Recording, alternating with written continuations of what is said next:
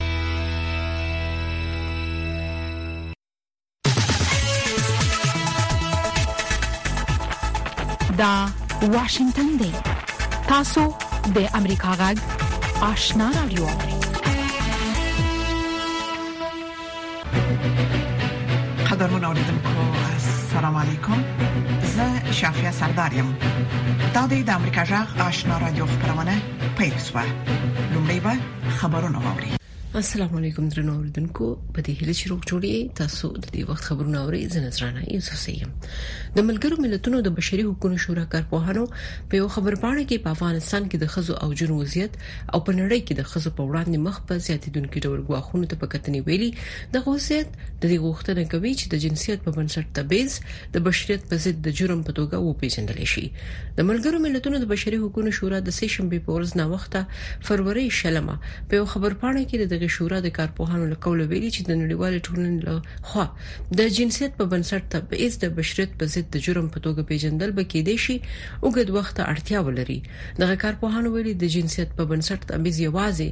د تیوري یا قانوني جوړښت نه دی، بلکې یو حقیقي ګواښ او په نړۍ کې د میلیونونو ښځو او نجونو د ژوند یو تریخ حقیقت دی. د طالبانو حکومت د عدلیې وزارت یو جګپوړي چارواکي رسنیو ته ویلي دي چې د عکسونو اخیستل ګناه کبیره ده او خبریالان باید له دغه کار نه ډډه وکړي. د طالبانو د دعوت او ارشاد عمومي رئیس محمد هاشم شهید رور د سشنبه په ورځ فروری شلمه په کابل کې د عدلیه وزارت کارکونکو لپاره یو سیمینار ته د خبرې کړې دي د طالبانو د غچارواکي سمو د مخ کې ویلو چې نکټای چې نارینه په غاړه تړي د مسیحي صلیب نه خدا او زیات اکړه چې باید لمنځه یوړل شي د ملګرو ملتونو پرمختیايي پروګرام د نړیوال بانک اروپאי ټولنې او د اسیا پرمختیايي بانک هرات کې د تیر 2023م کال د اکتوبر میاشتې د زلزلو وروسته د خلکو د اړتیا او ارزونې په اړه یو رپورټ کې ویلي چې د زلزله ځپلو سیمو او د خلکو د اساسي اړتیاو د پوره کولو لپاره 302 میلیون ډالرو بودیجې ته اړتیا لري افغانستان کې د ملګرو ملتونو مرستندوی پلاوي دفتر یوناما د چهارشنبه په ورځ د دغو سلور نړیوالو ادارو د ارزونې موندنې خبرې کړې چې دا خای په دغه زلزلې کې خلکو ته د 218 میلیون ډالرو مستقیم فزیکي زیان او اته اویا اعشاریه نهه میلیون ډالر نور زیان رسیدلی دی. دغه ګډه ارزونه پي ډي اېن اې په هرات ولایت کې د اساسي بنسټونو د بیا رغونې لپاره د څلور سوه دوه اعشاریه نهه میلیون ډالرو بیړنۍ اړتیا غوښتنه کړې. د متحده ایالاتو د بهرنیو چارو وزارت ویاند متیو میلر وویل چې طالبان یوازیني افغانان نه دي چې د افغانستان په راتلونکي کې ونډه لري ښاغلي ملر خبريالانو سره په خبرو کې دا هم وویل چې د قطر په پایتخت دوحه کې د ملګرو ملتونو لخوا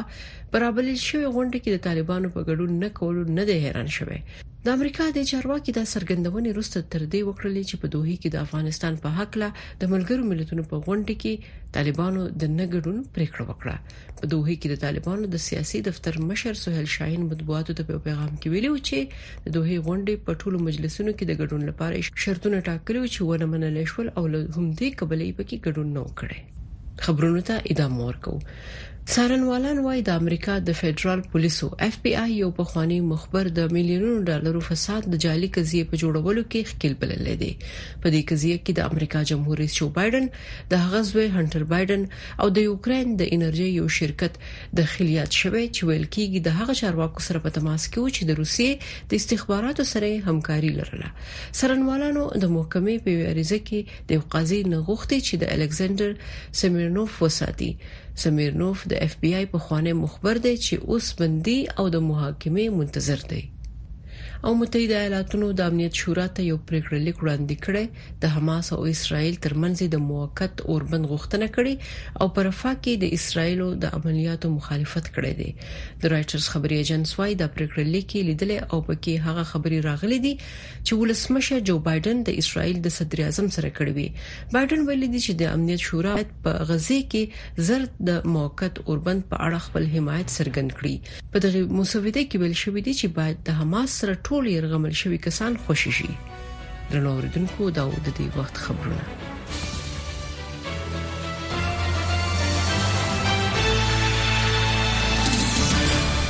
خبرونه مو د امریکا جغ آشنا رادیو څخه واوریدل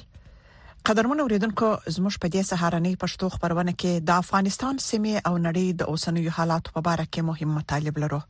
لومړی به دا رپورت واوري چې د طالبانو د حکومت د دعوت او ارشاد رئیس ویلي چې د ژوندوی انسانانو عکسونه او فلم اخیستل ګناه لري شاغلی شهید ورور د رسنیو د کارکونکو څخه وغوښتل چې د عکس او فلم اخیستلو څخه د لاس واخلي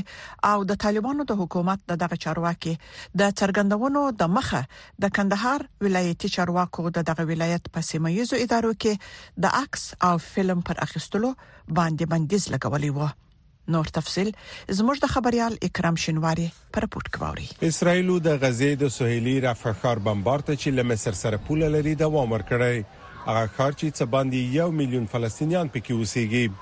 د دغو فلسطینیانو له ډلې یو شمېر یې څو ځله د جګړو له امله بېځای شوي او اوس د خوندیتوب لټه کوي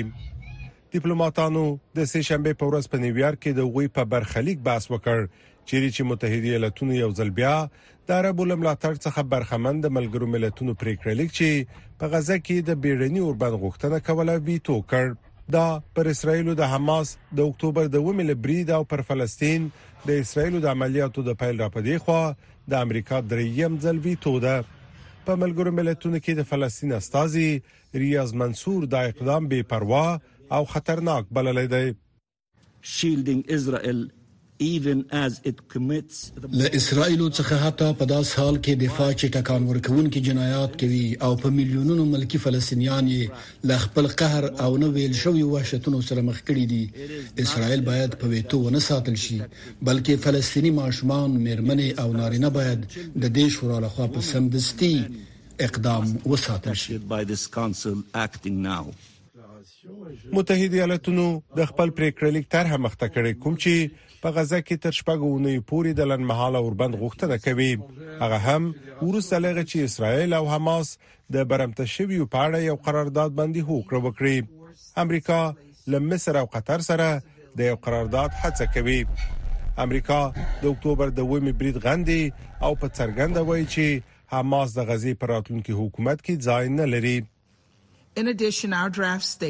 سربېره پر دې چې زموږ په طرحه کې راغلي چې د غزې په تړانګه کې جغرافیه نه شي کمېدای او لکه څنګه چې مو په 2220 نمبر پرېکړه لیک کې ویلي په غزه کې په زور د ملکی خلکو له بې ځای کېدو سره مخالفت شوه دا همدارنګه په رفح کې د ملکی کسانو د برخلیک په اړه د شورا د ډیر شمیر غړو اندېښنې را برسېره کوي ښکارا وایم چې په اوسنیو شرایطو کې په رفح کې باید لوی ځمکني عملیات ونه شي. منتقدین د امریکا پریکړه لیک یو ډیپلوماټیک لوبه غني او وایي دا به د فلسطینیانو رانځ او درد وغځوي بلخو اسرایل خبرداري ورکړي که حماس تر روزي پوري چې د مارچ لسمه کیږي ټول برمت شوی آزاد نکړي او غوي به پر رفح کې ځمکني عملیات پیل کړي د اسرایل لومړي وزیر بنیامین نتانیاهو ویلي چې نړیوالو فشارونو ته به تسلیم نشي روانه ونۍ دغه د جګړې کابینه د ولسمشر بایدن له جګپوړي سلاکار برټ مکګورک سره ګوري نو موري به پر اسرایل فشار راوړي چې د برمته شویو قرارداد ومني او پر رفع کې له ځمکني عملیاتو ډډه وکړي انتظار پای ته ورسید ترنو لیدونکو او اوریدونکو تاسو کولی شئ د امریکا غا ټلویزیونی او رادیوي خبرونه د یاسات ساتلایت له طریقو وګورئ او واورئ د نوي ساتلایت لارې تاسو د آشنا اتصال او کاروان ټلویزیونی خبرونه کتلای هم شئ د امریکا غږ د افغانستان څنګه خبرونه په 398 چنل او د آشنا رادیوي خبرونه په 390 چینل کې اوریدلای شئ لملتيامو د تل پشان مننه قدرمن اوریدونکو د متحده ایالاتو د بهرنیو چارو د وزارت ویان میتو میلر وایي طالبان یوازنی افغانان نه دي چې د افغانستان پراتلونکو کې ونډه لري شاغلی میلر وايي متحده ایالات په افغانستان کې په رښتینی توګه ټول ګډونه دولت غواړي او د میرمنو او جنو په ګډون د بشري حقوقو د درناوي په حق له اندیشنه لري د افغانستان په اړه د دوه لغونډې وروسته د ملګرو ملتونو عمومي منشي انټونیو ګوتریش ویلي چې د افغانستان د شذو او جنو پر کار او زده کړو باندې ظالمانه بندیز باید لري سي د امریکا د بهرنیو چارو وزارت ویان متیو میلر وایي متحد ایالات د میرمنو او انجونو په ګډون د ټولو افغانانو ملاتړ کوي چې د خپل هیواد پر راتلونکو کې نقش ولري او طالبان یوازنی افغانان نه دي چې د افغانستان پر راتلونکو کې ونډه لري موږ هڅه کوو چې څو شیان ترلاسه کړو، لومړی دا روښانه کول دي چې افغانستان یو ځل بیا د ترهګرو کړنو په ځالې بدل نه شي او زیان یې نورو هېوادونو ته ونه رسېږي. دویم، د افغانستان لپاره داسې راتلونکی غواړو چې بېلابېلې ډلې پکې په ادارو کې خپله ونډه ولري. متحده ایالات په افغانستان کې په رښتینې توګه ټولشموله دولت غواړي او دریم دا چې د بشري حقونو په ځانګړې توګه د مېرمنو او نجونو د حقونو درناوي په اړه اندېښنه لرو د امریکا د بهرنیو چارو وزارت ویان ماتو میلر وایي د قطر په پلازمین دوه کې د ملګرو ملتونو لخوا په رابلل شوې غونډه کې د طالبانو په ګډون نه کولو نه دی حیران شوی طالبان د دوه په غونډه کې د ګډون لپاره شرطونه وړاندې کړي وو خو د ملګرو ملتونو لخوا ونه منل شول په ورته وخت کې د ملګرو ملتونو عمومي منشي انټونی ګوتریش ویلي چې د افغانستان د خزو او جنونو پر کار او زده کړو باندې ظالمانه بندیز باید لري شي په دوحې کې د افغانستان په اړه تر غونډې وروسته ګوتیریش ویلي د ژوند په هره برخه کې د ښوونځیو له څوکیو څخه نیولې د تصمیم نیولې تر څوکیو پورې ښځې او نجونې باید بشپړ او معنی لرونکی مشارکت ولري. First. لومړی دا چې افغانستان باید د ترهګریزو فعالیتونو په ځاله بدل نه شي چې په نورو هېوادونو اغېز وکړي. دویم دا چې افغانستان ټولګډونه حکومت ولري چې بېلابېلې ډلې پکې وي. ازبک، تاجک، پښتانه، هزاره په یو داسې حکومت کې د استازیتوب احساس وکړي چې په رښتینی توګه ټول ګډونه وي دریم د بشري حقوقو په ځانګړي توګه د میرمنو او نجونو حقوقو ته د درناوي په برخه کې اندېښنه شته مونږ فکر کوو دا ډیره مهمه ده هغه پریکړه باید بیرته واخیستل شي چې لشپګم ټولګي پورته د لیسو او میرمنو چې په غنو مسلکونو کې په اغیزمنه توګه کار کوي، مخه یې نیول شوې ده. د ملګرو ملتونو د بشري حقونو شورا کارپوهانو په یوه خبرپاڼه کې په افغانستان کې د ښځو او نجونو وضعیت او په نړۍ کې د ښځو پر وړاندې مخ په زیاتېدونکي ډول ګواښونو ته په کتنې ویلي چې دغه وضعیت د دې غوښتنه کوي چې د جنسیت پر بنسټ تبعیض د بشریت پر ضد د جرم په توګه وپېژندل شي. دغو کارپوهانو خبرداری ورکړ چې په افغانستان کې د ښځو او نجونو د حقوندو محدودولو لپاره د طالبان د حکومت فرمانونه، پالیسۍ او کړنلارې چې د بنسټیز شوی سیستم لمخې تر سره کیږي، تبعیض، ظلم او پر ښځو او نجونو باندې د کنټرول ترلاسه کولو لپاره د جنسیت پر بنسټ تبعیض ګڼل کېدای شي. خو طالبان تل وایي چې مرمن ته د شریعت په چوکاټ کې حقونه ورکړي دي. وحید فیضی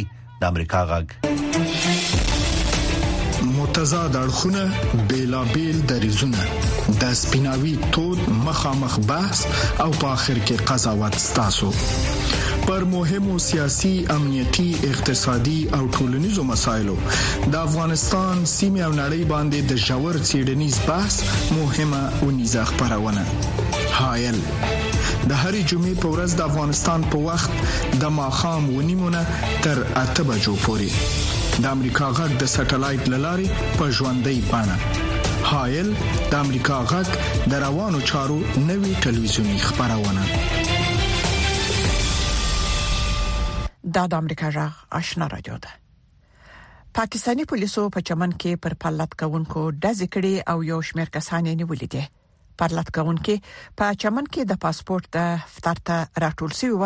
او لار یې بند کړې و چې د پولیسو لخوا د اوشکې بهونکو غاز دځې پر وسوي څه باندې څلور میاشتې کیږي چې زورګونو خلکو په چمن کې د پاکستان د هغې پریکړې پر خلاف پرلت پیل کړی چې لمخې د ډیورنت پر کرښه پاسپورت او ویزه لازم ګڼي څلور میاشتې او لس ورځې کیږي چې په چمن کې د پاکستان د هغې پریکړې پر خلاف دا پرلت روان دی چې د ډیورند پر کرخه د پاسپورت او ویزې په لرلو ټینګار کوي لاریون کوونکو تیر ورځ په دغه خار کې د پاسپورت دفتر مخې ته کانټینر راوړ او لارې بند کړه چې د سیمې پولیسو په خبرګون کې لوخ کې بهون کې غازه کار واخیست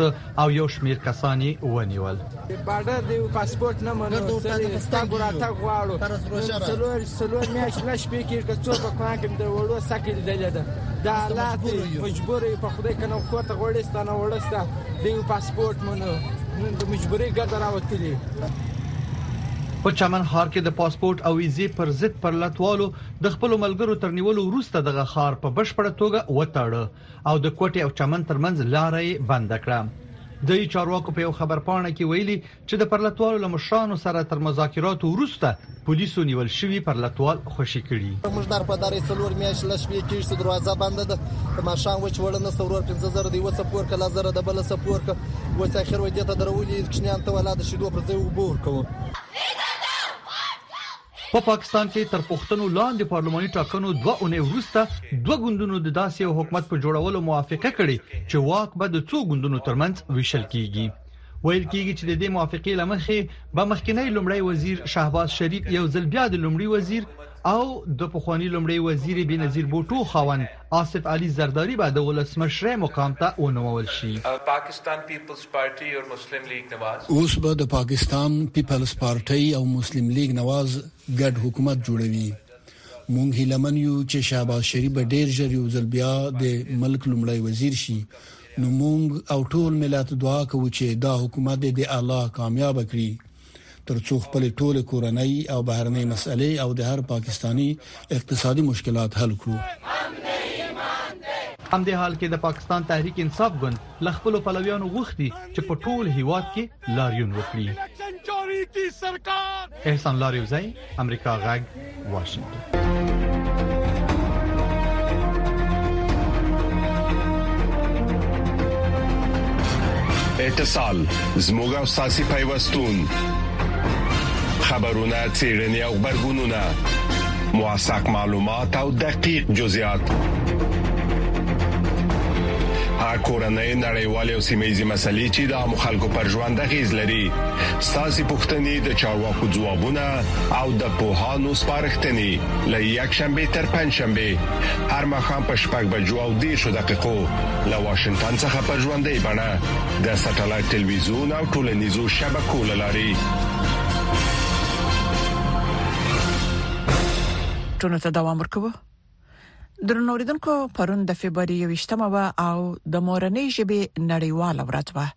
شنونکو په افغانستان کې د مورنۍ ژبې وضعیت څنګه ناوړه یادوي چې د افغانو میرمنو پر زده کړو بندیزونه لګیدل دي د بلخوا افغاني جنې له طالبانو غواړي چې د دوی پر مخ د شونځي دروازې پرانیزي ترڅو په مورنۍ او نورو ژبو زده کړې وکړي نور حال د شمس آریان پر پورت کوي د فبرवरी 21 مچ د مورنۍ ژبې نړیواله ورځ د ملګری ملتونو غواړي چې د نړۍ په کچه څلوير سلنه وګړي اوس هم په مورنۍ ژبه زده کړې نه کوي سرشکال یو ځل بیا په افغانستان کې د مورنۍ ژبې نړیواله ورځ په داسې حال کې منځل کیږي چې په میلیونونو افغان ماشومان په هیڅ ژبه زده کړو ته لاسرسي نه لري شنونکي په افغانستان کې د مورنۍ ژبې وضعیت ځکه ناوړه یادوي چې افغان میرمنې له زده کړو محرومې دي مونږ د مورنۍ ژبې نړیواله ورځ په داسې حالت کې لمانځو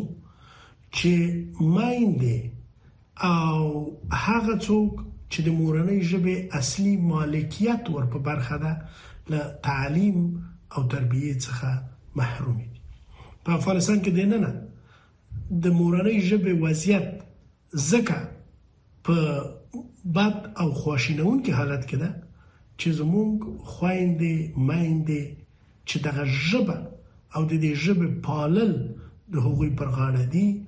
له ښوونځي او پوهنځي څخه محروم دي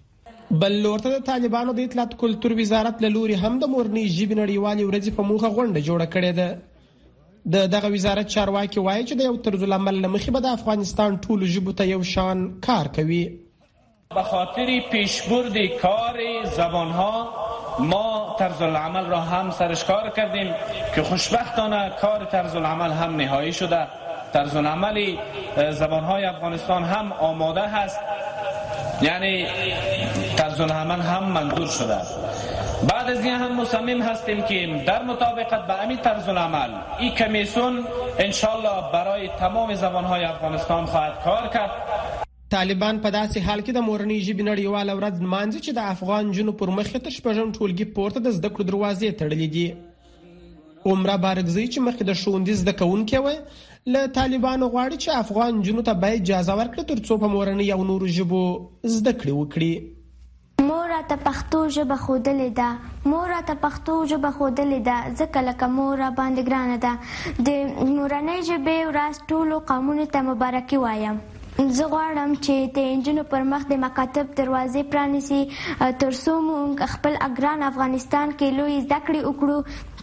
او د مورنۍ ژبې ته خدمت وکړو. د مورنۍ ژبې نړیواله ورځ ملګرو ملتونو په 1999 کال کې په بنگلادیش کې د یونسکو په کانفرنس کې په دې نوم کړه او له 2000 میلادي کال راهیسې هر کال نمانځل کیږي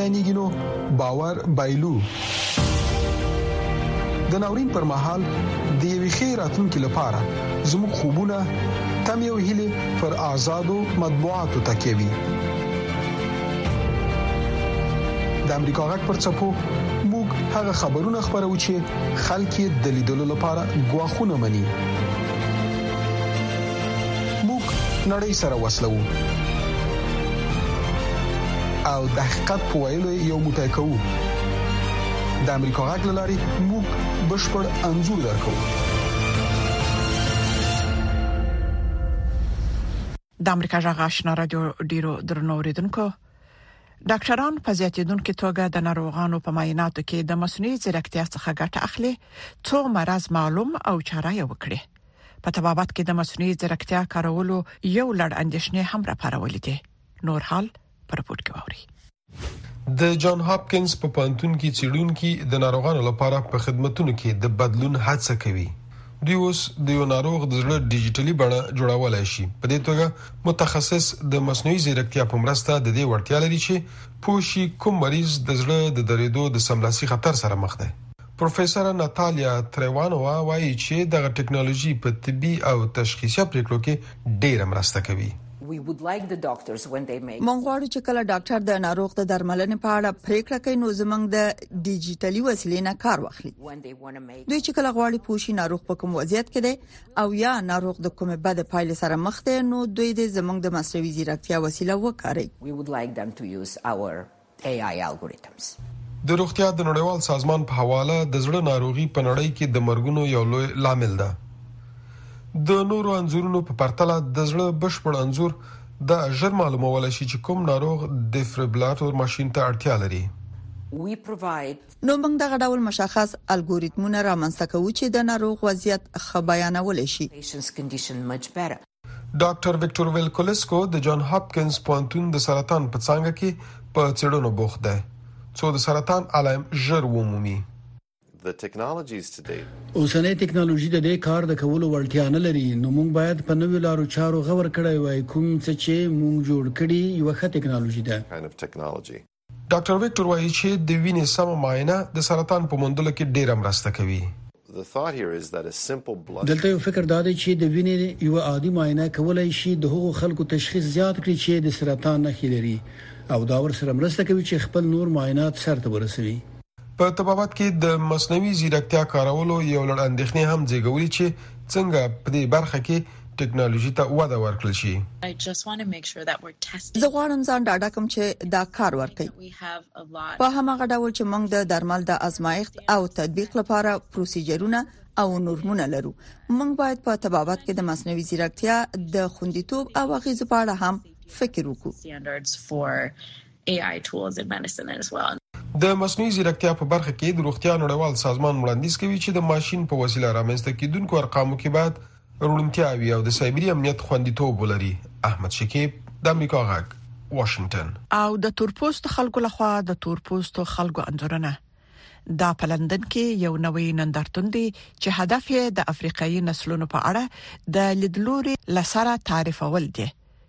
د برتانیې د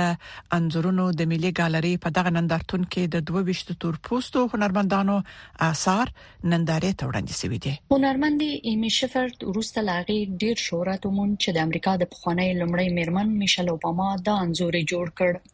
اوس دا انځور د لندن د انځورونو په ملي ګالري کې د هغه نوي نندارتون برخه ده چې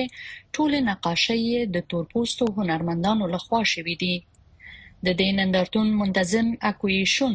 55 داسې هنري آثار غوره کړي څو پکې وپلټي چې تور خلک په هنر کې څنګه انځور شوي دي د دې نندارتون تنظیم 15 کاله وخت نیولای خو ایشون باور لري چې نندارتون په ډیر مناسب وخت کې پرانیستل شوی دی مونږ هم دا اوس په داسې یو پړاو کې ژوند کوو چې تورپوستي هنرمندان د یو غیر معمولي مهارت په کچه کار کوي او په نړیوال ډګر کې په داسې کچه لمانځل کیږي او پیژندل کیږي چې مخکې په تاریخ کې ساري نه ولیدل شوی نو دا د لمانځلو ارزښت لري په تاریخي توګه سپین پوستي غربي هنرمندان ډیر برلاسي وو چې تور پوستي خلک څه ډول انځور کړي چې اکثره به د تابع یا د پردي او بهرني په نقش کې انځورول خو د دغې زرینې لوړې مجسمې په څیر کار د کلاسیکې مجسمې عصري تعبیر ښیي چې په یو تورپوستي شخصیت تمرکز کوي. زما په اند دا چوکاټ بندۍ مهمې دي ځکه چې په تاریخي توګه د لویدیځ هنر تاریخ په اوږدو کې موږ کولای شو پیړۍ پیړۍ شاته ولاړ شو. د تورپوستو خلکو اکثره انځورونه د اورپایي هنرمندانو، لویدیځو هنرمندانو، سپین پوستو هنرمندانو لخوا کاږل شوي دي په دې کې سم یا غلط نشته خو دا د تور پوستي هنرمندانو رول منزوي کوي. په دې نندارتون کې تاریخي پیښې د یو نوي لیدلوري سره انځور شوي دي. د اوس په امریکا ژغ سرمقاله ووري چې د امریکا د حکومت رسمي نظر څرګندوي د 2022 میلادي کال په اپریل کې په یمن کې د کورنی جنگ لپاره کېدونه اته کال وروسته ملګرو ملتونو د حوثي اغیانو چې ایران ملاتړ کوي او د یمن د حکومت ترمن چې نړۍ پر رسمیت پیژني او سعودي عربستان او متحده عربي اماراتو مشرۍ لاندې ائتلاف تر شا اولاد د ایوا متارکه وکړه چې لامل تر زیاته حدا تشدد کم شو او د شخړې د حل لپاره دروازه پرانیسته په عین وخت کې کورنی جنگ د نړۍ تر ټولو بدتر بشري ناورین رامنځته کړي چې د متارکې باوجود نن هم دوام لري کله چې شرایطو په بهتر کېدو پیل وکړ پر هغو کېښتیو باندې د هوسیانو د بریدونو د پریکړې پوجا چې د سره سمندرګي په لار تیریږي د هغوی اقدامات د دې سبب شو کمې لاستراوړنې چې په تیرو دوو کلونو کې د جنگ د پای تر رسول لپاره لاسته راغلي وي بریالیتوب په شک کې ولويدو په ملګرو ملتونو کې د متحده ایالاتو متبادل سفیر رابرټ اوډوای چې حوثیان زیار باسي د سر سمندرګي په لار د کښتیو چلیدل بالکل بند کړي نو موړی وای چې په نتیجه کې د نړۍ په ګوخه ګوخه کې خلک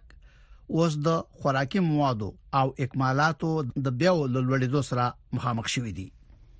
د افریقا په ابیلار د یوې کښتۍ تیرېدل لس ورځې زیات وخت نیسي او د اسیا او اروپا ترمنځ په یو طرفه سفر باندې یو میلیون ډالر نور د سونګ په موادو لګیږي بل خبره دا ده چې حوثیان وسام په یمن کې د کارونو محاصره ته دوام ورکړي او ملکی وګړو ته د خوړو او بو او بشري مرستې د انتقالولو مخه نیسي رابرټ وډویل چې متحده ایالات په سیمه کې د شخړې د زیاتولو ارزو نه لري مونږ په داس حال کې چې حوثیان ظاهرا په بې تفاوتۍ پر تجارتي کښتیو بریدونه کوي غلي نشو پاتې کېدی نو موړویل څنګه چې د امنیت شورا ته د جنوري په 12مه او د فروری په 8مه په استول شو لیکونو کې وضاحت شوه د متحده ایالاتو سمندري پوست پر کشته یو باندې د بریدونو په جواب کې لزان نه د دفاع د ذاتی حق نه په استفاده متحده ایالاتو د حوثیانو پر خلاف ضروری او متناسب اقدامات وکړل اصلي هدف دا دی چې په سره سمندرګي کې د باب المندب په تنګي کې او د عدن په خلیج کې پر سوداګریزو کشتیو او ټانکرونو د بریدونو لپاره د حوثیانو توان کمزوري شي وډویل سربېره پر دې متحده ایالاتو 13 میاش انصار الله چې د حوثیانو په نوم هم یادېږي سر د فروری ل 14 نه د مشخص شوی ځانګړي نړیوال ترهګر په توګه اعلان کړل نو موړویل متحده ایالات په داسې حال کې چې د امن خلکو ته چې د وی بهتري راتلونکو لپاره د فرصت مندلو مستحق دي بشري نقصان د رسیدو کمول غواړي په محدوده کچه د هوسیانو د فعالیتونو د نخښه کولو په لټه کې دي سفیر رابرټ وډویل مهمه خبره دا ده چې د یمنیانو ترمن د سولې په هر چوکاټ کې له یمني ټولنې او نورو با سره کړیو سره پراخه تفاهم شامل وي سفیر روډ ویل چې د عدالت حساب او کتاب او د بشري حقوقو د تیریو او سرغړونو په برخه کې د انصاف غوښتنې نه یوازې دا چې باید ووریدل شي د حل لپاره هم لار ولټول شي تاسو د امریکا د سره مقاله واوریده چې د امریکا د حکومت رسمي نظریه څرګند کړه